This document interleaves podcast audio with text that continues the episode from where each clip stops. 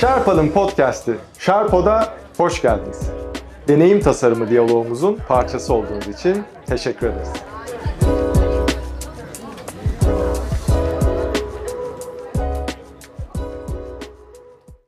Sharpod'dan merhaba arkadaşlar. Ben Burak Güngör.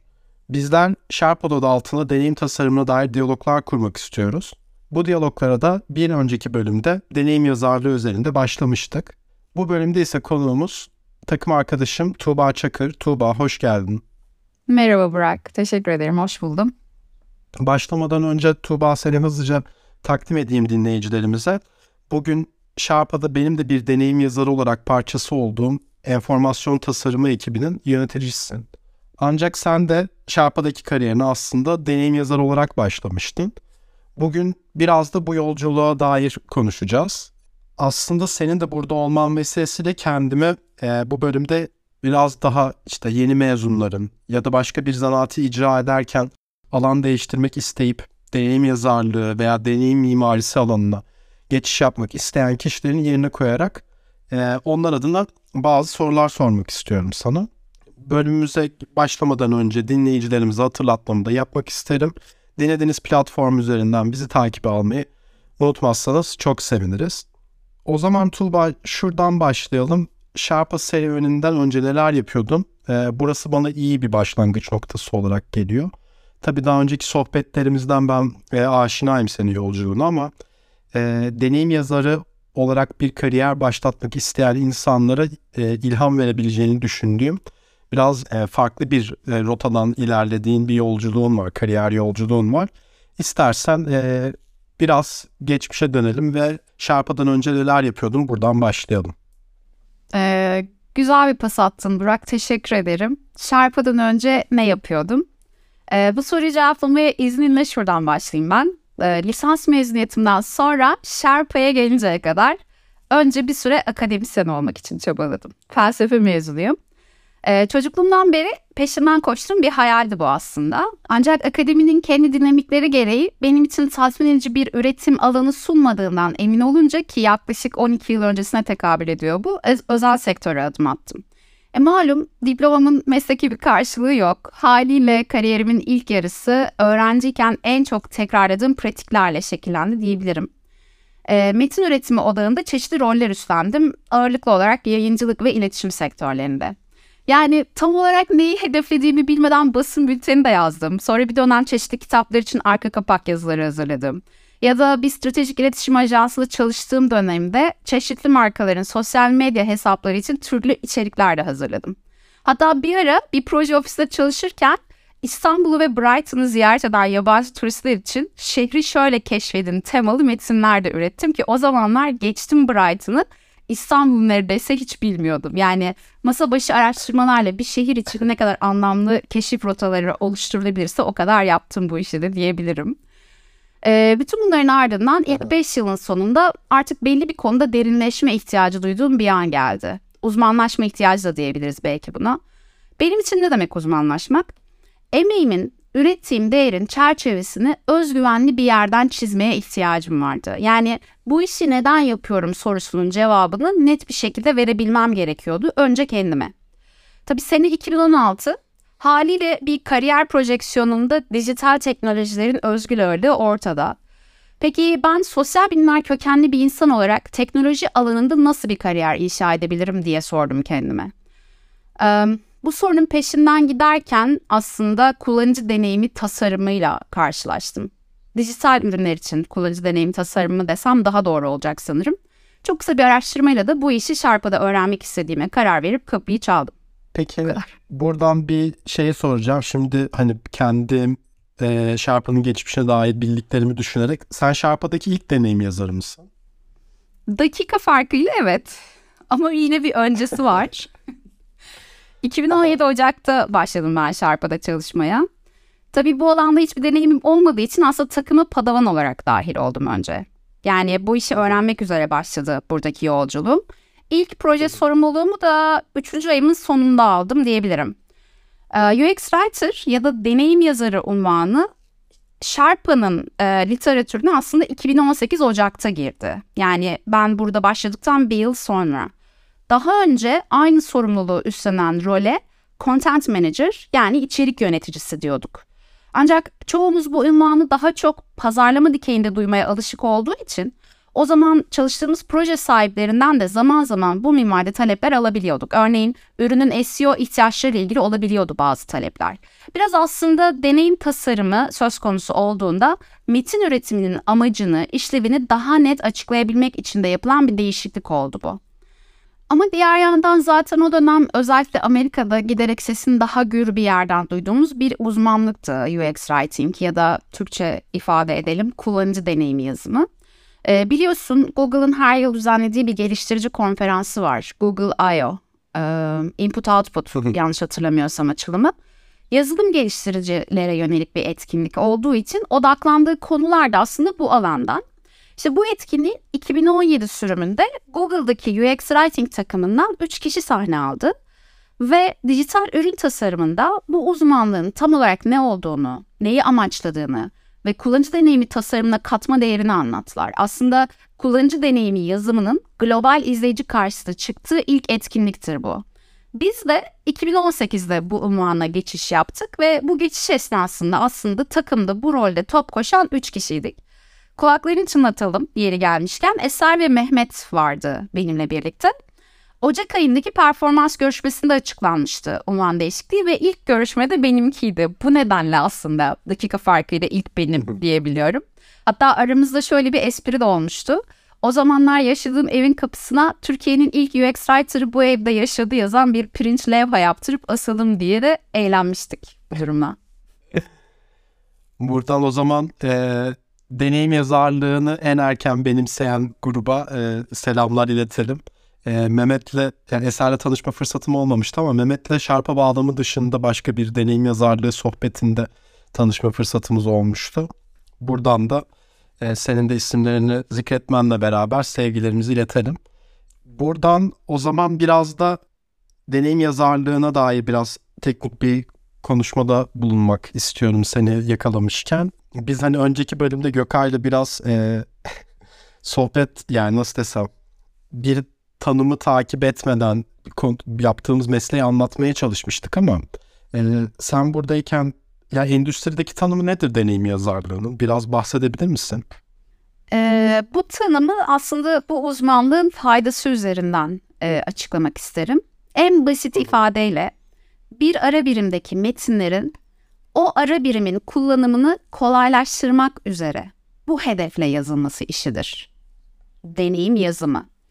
Peki ara birim dediğimiz şey nedir? Yani bu bile bazen kafa karıştırıcı olabiliyor. Söz konusu bir dijital ürünse bir ATM ekranı da olabilir ara birim. Ya da bir mobil uygulamanın ya da web sitesinin sayfaları da olabilir. Veya fiziksel bir ürünün mesela bir buzdolabı, dijital gösterge paneli de olabilir. Bir post yazının ekranı da olabilir. Ya da dijital bir ara birim yoktur. Örneğin Amazon'un Alexa'sı gibi. Sesli bir etkileşim, sesli bir deneyim vardır. Bu deneyimi oluşturan tüm skriptler yani tüm yazılı senaryolarda bir tür deneyim yazarlığı işidir ama daha niş, niş bir alandır. Çok olasılıklı bir diyalog tasarımı öne çıkar aslında bu türdeki yazarlıkta. Veya son olarak dijital göstergesi olmayan bir çamaşır makinesinin panelindeki metinler de aslında bir deneyim yazarlığı işidir. Çünkü amacı o cihazı, o ara birimi kolay kullanmanızı sağlamaktır. Yani size rehberlik etmektir. Bir de e, aslında bu rolün e, tanımını yaparken bu rolün elinden çıkan metinlerin ne olduğunu da biraz açmak isterim. Biraz oralara da bakmak lazım. Bir deneyim yazarının elinden çıkan bu metinler tek bir kelime olabilir. Örneğin bir buton etiketi, kaydet, başlat ya da bir menü öğesi. Hakkımızda pamuklular, hani çamaşır makinesinin panelinde gördüğümüz menü öğeleri. Bir kelime öbeği de olabilir. Örneğin bir bölüm başlığı, öne çıkan kategoriler ya da bir sayfa başlığı, sıkça sorulan sorular. Bir cümle de olabilir. Örneğin bir değer önermesi ifade eden Paribu ile yarının dünyasını tasarlıyoruz. Ya da kripto para ile e, özür dilerim kripto para bağışı ile destek olun. Ya da kullanıcının aldığı bir aksiyona sistemin verdiği bir cevap olabilir. Parolanızı başarıyla değiştirdiniz. Bir de aslında hani birden fazla cümleden oluşan bir metin bloğu olabilir. Örneğin pek çok web sitesinde artık görmeye alışık olduğumuz e, sitede yer alan çerezlerin kullanım amacını açıklayan ve kullanıcıları daha detaylı bilgi için çerez politikası sayfasına yönlendiren 2-3 cümlelik bir açıklama metni. Şimdi toparlamam gerekirse bir ürüne ait bir ara birimde gördüğümüz ve amacı ürünün daha kolay kullanılmasını sağlamak olan tüm metinler ya bir deneyim yazarının elinden çıkar ya da bir deneyim yazarı ile işbirliği gerektirir. Burada esas olan bu metinlerin öncelikle kreatif amaçlarla değil, kolay anlaşılırlık ve tutarlılık hedefiyle üretilmesidir. Bu da aslında kullanıcı araştırmalarından ürün yönetimine, yazılımdan kalite kontrole, hukuka, pazarlamaya, insan kaynaklarına, yani ürününüzün yanıt verdiği kullanıcı ihtiyaçlarına ve iş hedeflerinize göre çeşitlenebilen pek çok farklı disiplinle belli hedeflere ve belli metodolojilere bağlı işbirlikleri yapmanız gerektirir. Yani Tuğba çok teşekkürler. Biz Gökay'la kaç 4 ya da 5 farklı hedef kitle anlatmaya çalışıp şu e, derli toplulukta bir bir anlatımı gerçekleştirememiştik. İyi ki sana yönelttim bu soruyu. Peki şimdi buradan da şöyle bir soru sormak istiyorum sana. Deneyim yazarlığı var sektörde. Hani bir e, daha çok bilinen adı. E, bir de content designer, içerik tasarımcısı diye de bir ünvan var. Ha, doğru. Bunlar arasında nasıl, nasıl bir fark var bu ikisi arasında? Ya evet, e, özellikle son iki yıldır bu iki arasında gerçekten bir fark olup olmadığını anlamaya yönelik bir çaba görüyoruz sektörde. E, benim bugüne kadar takip edebildiğim tartışmalardan çıkarımım basitçe şöyle. E, bu iki rol arasındaki temel fark Amerikan İngilizcesi ile İngiliz İngilizcesi arasındaki fark gibi. Kullanıcı deneyimi yazarı Amerika menşeili teknoloji devlerinin hayatımıza soktuğu bir unvan. İçerik tasarımcısı ise Britanya kökenli. Bu rollerin tam olarak ne yaptığını, deneyim tasarım söz konusu olduğunda hangi sorumlulukları üstlendiğini açıklayan çeşitli kaynakları incelediğimizde aslında aradaki farkın çok da belirgin olmadığı şöyle iki ayrım görmek mümkün. Bir, stratejiyi kim belirler? İki, hangi içerik? Kullanıcı deneyimi yazarının sorumluluklarından bahsederken bu rolün ürettiği ara birim metinlerine referans olan içerik stratejisini oluşturma sorumluluğunun takımdaki farklı bir role atfedilebildiğini görüyoruz. Örneğin işte en e, yakın karşılığıyla içerik stratejisi. E, içerik tasarımcısı ise bu rolün varsayılan sorumluluklarından biri de zaten bu stratejiyi oluşturmakmış gibi anlatılıyor yer yer. İkinci ayrım kullanıcı deneyimi yazarı aslında orijinalindeki writing ediminden de anlaşılacağı üzere sadece metin içeriklere odaklanan bir rolken içerik tasarımcısı görsel ve ses içerikleri gibi diğer ara birim elementleriyle ilgili sorumluluklarla da karşınıza çıkabiliyor. Ancak belirttiğim gibi bu ayrımlar hakkında bir konsensüsten söz etmek henüz mümkün değil. Ki bu tartışma da aslında baş başına başka bir podcast'in konusu bile olabilir. Ben, benim bu, bu soruyu aslında hani bölümün başında şey demiştim. Kendimi başka insanların yerine koyarak onlar adına sorular sormak istiyorum. Bu benim merak ettiğim bir soru. Hazır seni bulmuşken bunu sana sormak istedim. Şey de aslında ismi de çağrıştırıyor ama sen deyince daha bir oturdu yani. Evet metin dışında da diğer içeriklerin de işte görsel ve ses içerikleri gibi e, onun ara birim elementleriyle olan ilişkisinin daha sorumlu olması içerik tasarımcısını deneyim yazarından biraz daha ayırıyor. Peki şimdi hani sektör standartlarından işte endüstrideki tanımlarından vesaire bahsettik. Deneyim yazarının Sherpa bağlamında mimar ve yazar fonksiyonu olduğundan özellikle konuşmak istemiştim. Çünkü hani aslında ürettiğimiz ürün ve servisler gibi stüdyo olarak biz de yaşayan bir yapıyız ve e, günün şartlarına ayak uyduracak şekilde kendimizi güncelliyoruz. Bu güncellemeyi de nasıl yapıyoruz? Kullanıcı ihtiyaçlarını ve onların geri bildirimlerini gözeterek ki burada Sherpa tasarımcıları oluyor burada bahsi geçen kullanıcılar. Ya da işte iş ihtiyaçlarını gözeterek ki burada da e, Paribu ve Sherpa'nın güçlerini birleştirmesi oluyor. Sherpa 4.0'da artık yazarlar ve mimarlar olarak rollerimiz ayrıldı ve enformasyon tasarımı kılını çatısı altında işlerimizi icra etmeye devam edeceğiz. Mikrofonu burada sana devretmeden önce e, hani bir ufak bir girizgah yapmak istedim. Hani önceki bölümle bir bağlamak istedim. Şu an Sharp'a 4.0'a geçtik artık ve e, senden ricam 1.0, 2.0 değil ama belki 3'ten günümüzü alarak 3.0'dan bugüne neler değişti? Hangi ihtiyaçları gözettik? Neleri hedefliyoruz? E, bunları dinleyicilerimiz için biraz detaylandırabilir misin rica etsem?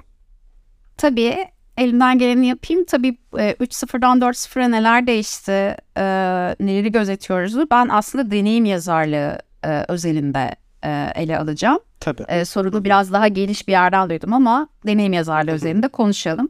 Şimdi Evet, Sharpa evet. 2022 Ocak'ta Paribu ile güçlerini birleştirmeden önce çeşitli markalara hizmet veren bir tasarım stüdyosuydu.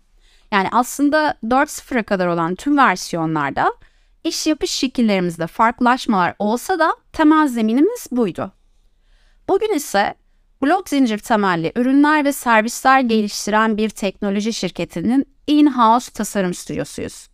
Haliyle aslında tüm şarpaların günlük iş akışının odağına ürün yaşam döngüsü konsepti yerleşti. Yani 4.0'daki iş yapış şeklimizin temel öncüllerinden biri bir kere bu. Ürün yaşam döngüsü diye bir şey var artık hayatımızda.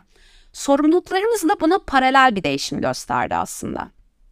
Deneyim yazarına dönersek, önceki kurguda kullanıcı araştırmaları tamamlanıp deneyim stratejisi kurulduktan sonra üretim bayrağını devralırdı UX Writer ya da deneyim yazarı. Kullanıcı hikayeleri yazımından bilgi mimarisi üretimine, tüm deneyim mimarisi sürecinden de sorumlu bir takım üyesiydi. Yani önce kullanıcı deneyiminin mimarisini tasarlayıp ardından bu mimariye uygun şekilde ara birim metinlerini üretiyordu ve işi deneyim tasarımcısına devrediyordu. Bugün ise geçmişte tek bir rolün altından kalkabildiği bu sorumlulukları deneyim mimarı ve deneyim yazarı olarak iki ayrı role tanımladık senin de bahsettiğin üzere. Bunun öncelikli nedeni aslında ürün yaşam döngüsüne odaklanan pek çok dikey sorumluluğun belli bir yol haritasına uyumlanarak ve iterasyon düsturuyla birlikte ürettiği bir takımda tek bir takım üyesinin böyle geniş bir skaladaki sorumlulukları üstlenmesinin hem süreç hem kaynak yönetimi açısından doğurabileceği risklerin önüne geçmek. Yani birinci neden bu. Ne oldu peki bu iki rol e, yani daha doğrusu t- önceden tek bir rol olan bu sorumluluk alanı iki ayrı role dönüştüğünde bugün Sharpa'da bir deneyim mimarı kullanıcı hikayelerini oluşturmak, akışları tasarlamak, navigasyonu ve buna bağlı sayfa mimarisini oluşturmak ve her bir sayfada sunulan enformasyonu yazılım mimarisinin ve tasarım sisteminin limitlerini bilerek komponent seviyesinde tanımlamaktan sorumlu. Ana sorumluluk alanı aslında bu kalemleri içeriyor.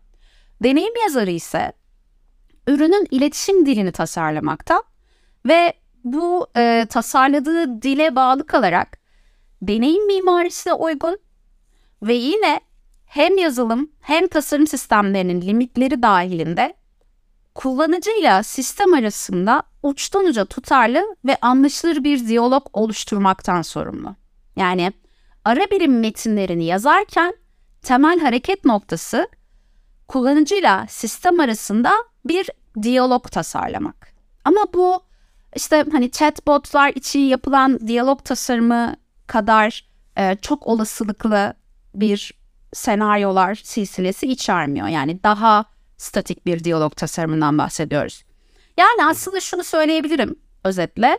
Artık Sharpa'da bir deneyim yazarı tıpkı işte Google, Apple gibi şirketlerde bu role tanımlanan sorumluluklarla birebir örtüşen endüstri standartlarında bir rol tanımına sahip 4.0 itibariyle.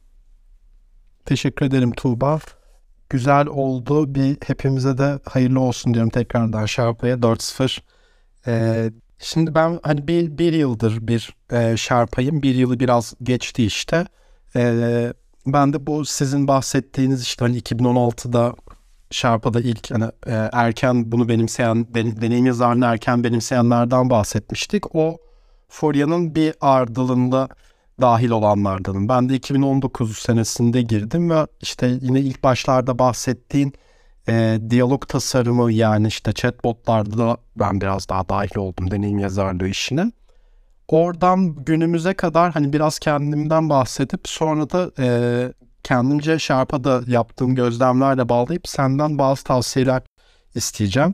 Şöyle ki e, ben kendi adıma biraz daha hani senin bahsettiğin kariyere göre sanırım biraz daha odaklı ilerleme fırsatı bulabildim. E, gel hani işte mezun olur ama ben üniversitede işte daha senaryo ile ilgileniyordum. Oradan daha işte bir reklam yazarlığı dönemine girdim. E, senaryo kaslarımın devam ettirmek istediğim için ve sahip olduğumu düşündüğüm için diyalog tasarımını sürdürebileceğimi düşündüm. Zaten bir hani teknoloji merakı da vardı. İşte üniversitede usability kullanılabilirlikle ilgili benzer de bazı dersler almıştım. İlgimi çekmişti vesaire. Biraz daha odaklı ilerleyebildim.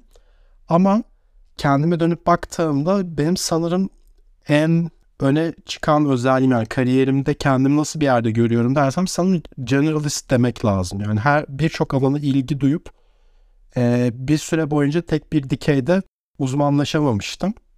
Bunun eksileri olduğunu düşünüyordum. Özellikle üniversite eğitimim hani çok yönlüydü ama hiçbir alanda da e, uzmanlaştıracak kadar detaylı ders almıyorduk. Her şeyden öğreniyorduk gibi. Bunun benim için handikap olduğunu düşünüyordum açıkçası. Ama Şimdi Sherpa'ya gelip işte bölüm başında da bahsetmiştim. Enformasyon tasarımı klanı diyoruz ama bizim içeride bir kod adımız var konsensus diye. Deneyim yazarları ve mimarlardan oluşuyor. Konsensus üyelerine baktığımızda hepimizde belli ortak e, paylaştığımız temel yetenekler var. Burada hem fikiriz zaten. Ama detaylıca baktığında aslında oldukça farklı arka planlara sahip tasarımcıları da barındırıyor bu e, enformasyon tasarımı ekibi klanı. Ya bu noktada sana şunu sormak istiyorum. İşe alım sürecinde biz yazarları neye göre değerlendiriyorsunuz? Baktığınız temel işte soft skill'ler yani sosyal beceriler ve hard skill'ler e, yani teknik beceriler neler? Tabi bu sorunun muhatabı bir yandan Selen de ama e, hazır seni burada yakalamışken e, bizi aydınlatabileceğini düşündüğüm için sana yöneltmek istedim. Bu konuda fikirlerini almak istiyorum. Tavsiyelerin, önerilerin ve dikkat ettiğiniz noktaları dinleyicilerimizle paylaşırsan çok sevinirim. Tabii e, adım adım anlatayım. E, elimden geldiğince e, açıklayıcı olmaya çalışarak. E, deneyim yazarlığı için doğrudan bir eğitim geçmişine bakamıyoruz haliyle. Çünkü henüz yok e, doğrudan bu alana odaklanan e, bir bölüm. Bu alanda iş tecrübesine sahip kişilerle karşılaşmak ise özellikle son iki yıldır aslında biraz daha mümkün. Ancak yine de henüz yeterince kalabalık değiliz. Dolayısıyla önce şunu söylemek isterim. Çok ciddi seviyede yetenek ihtiyacı var deneyim yazarlığı alanında. Aynı şekilde deneyim mimarlığı alanında da. Haliyle adayın deneyim yazarlığı ekseninde olmasa da kullanıcı deneyimi tasarımı ya da dijital ürün tasarımı alanında herhangi bir tecrübesi var mı diye bakıyoruz bir önce. Bugünkü ihtiyaçlarımız gereği özellikle e, finans teknolojileri alanındaki ürünlerde deneyim e, önemli bir avantaj sunuyor diyebilirim. Bunun dışında alınan eğitimlerin, sertifikaların ya da önceki iş deneyimlerinin özellikle problem çözmeye analitik yaklaşım, sistematik düşünme ve editoryal yetkinlikler açısından bu rolden beklediğimiz temel becerilere katkısını değerlendiriyoruz. Yani burada aslında kişinin öğreniminin hangi ekollerden beslendiği de ayrıştırıcı bir faktör. Yani mühendislik eğitimi alan birinin mesela analitik düşünme becerisinin yüksek olduğunu varsaymak kolay. Ancak aynı beceri setine sistematik felsefe ve sembolik mantık eğitimi almış birinin sahip olması da oldukça mümkün. Bunun çeşitli örneklerine şahit olduk. Ya da iletişim bilimleri gibi bir bölümden mezun bir insanın editoryal yetkinliklerinin güçlü olmasını beklersiniz. Ancak mimarlık mühendislik kökenli biri de aynı beceri setine sahip olabilir. Biraz kişisel ilgiler ve farkındalık da bu noktada belirleyici faktörler. İşte tam bu noktada aslında öğrenim hayatınız boyunca nasıl bir ekolden beslendiniz yani nasıl bir kültürün içinde yoğrulduğunuz kesinlikle bir fark yaratıyor.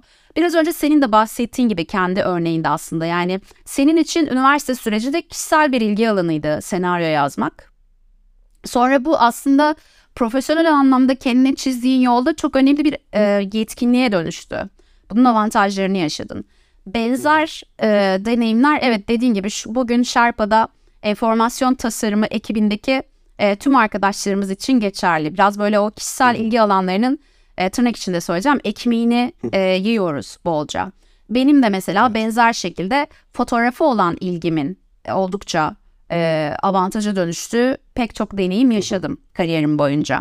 Dediğim gibi biraz aslında e, nasıl bir ekolden beslendiğimiz önemli. Dolayısıyla bir adayın eğitim geçmişini değerlendirirken bölümüyle ilgili bir parantezimiz olsa da bu parantezin içine olabildiğince geniş tutmaya özen gösteriyoruz. Yani çok böyle hani e, keskin yargılarla yaklaşmıyoruz eğitim hayatı kısmına diyeyim.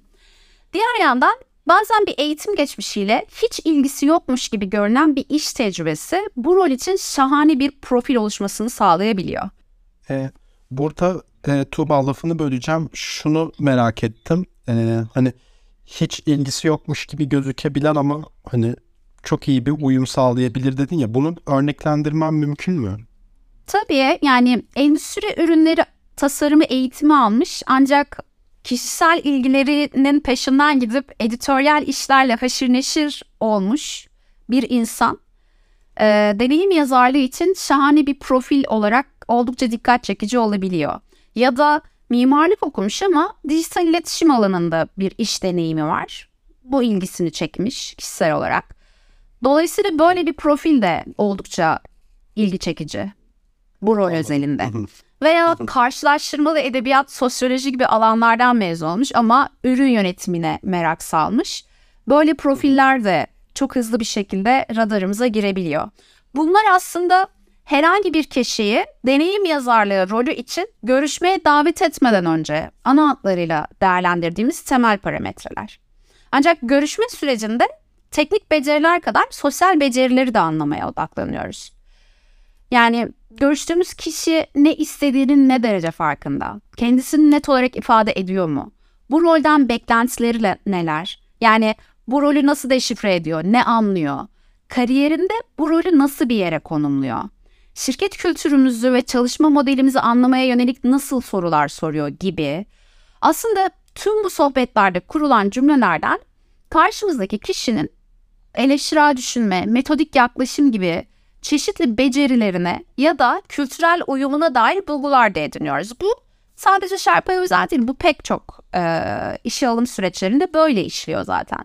Yani bir insanın bir konudaki fikrini ne kadar akıcı ve berrak bir şekilde anlatabildiği, dili nasıl kullandığı, o insanın düşünme modelinden yazılı iletişim becerilerine varan oldukça geniş bir skalada değerlendirme yapmanıza imkan veriyor aslında.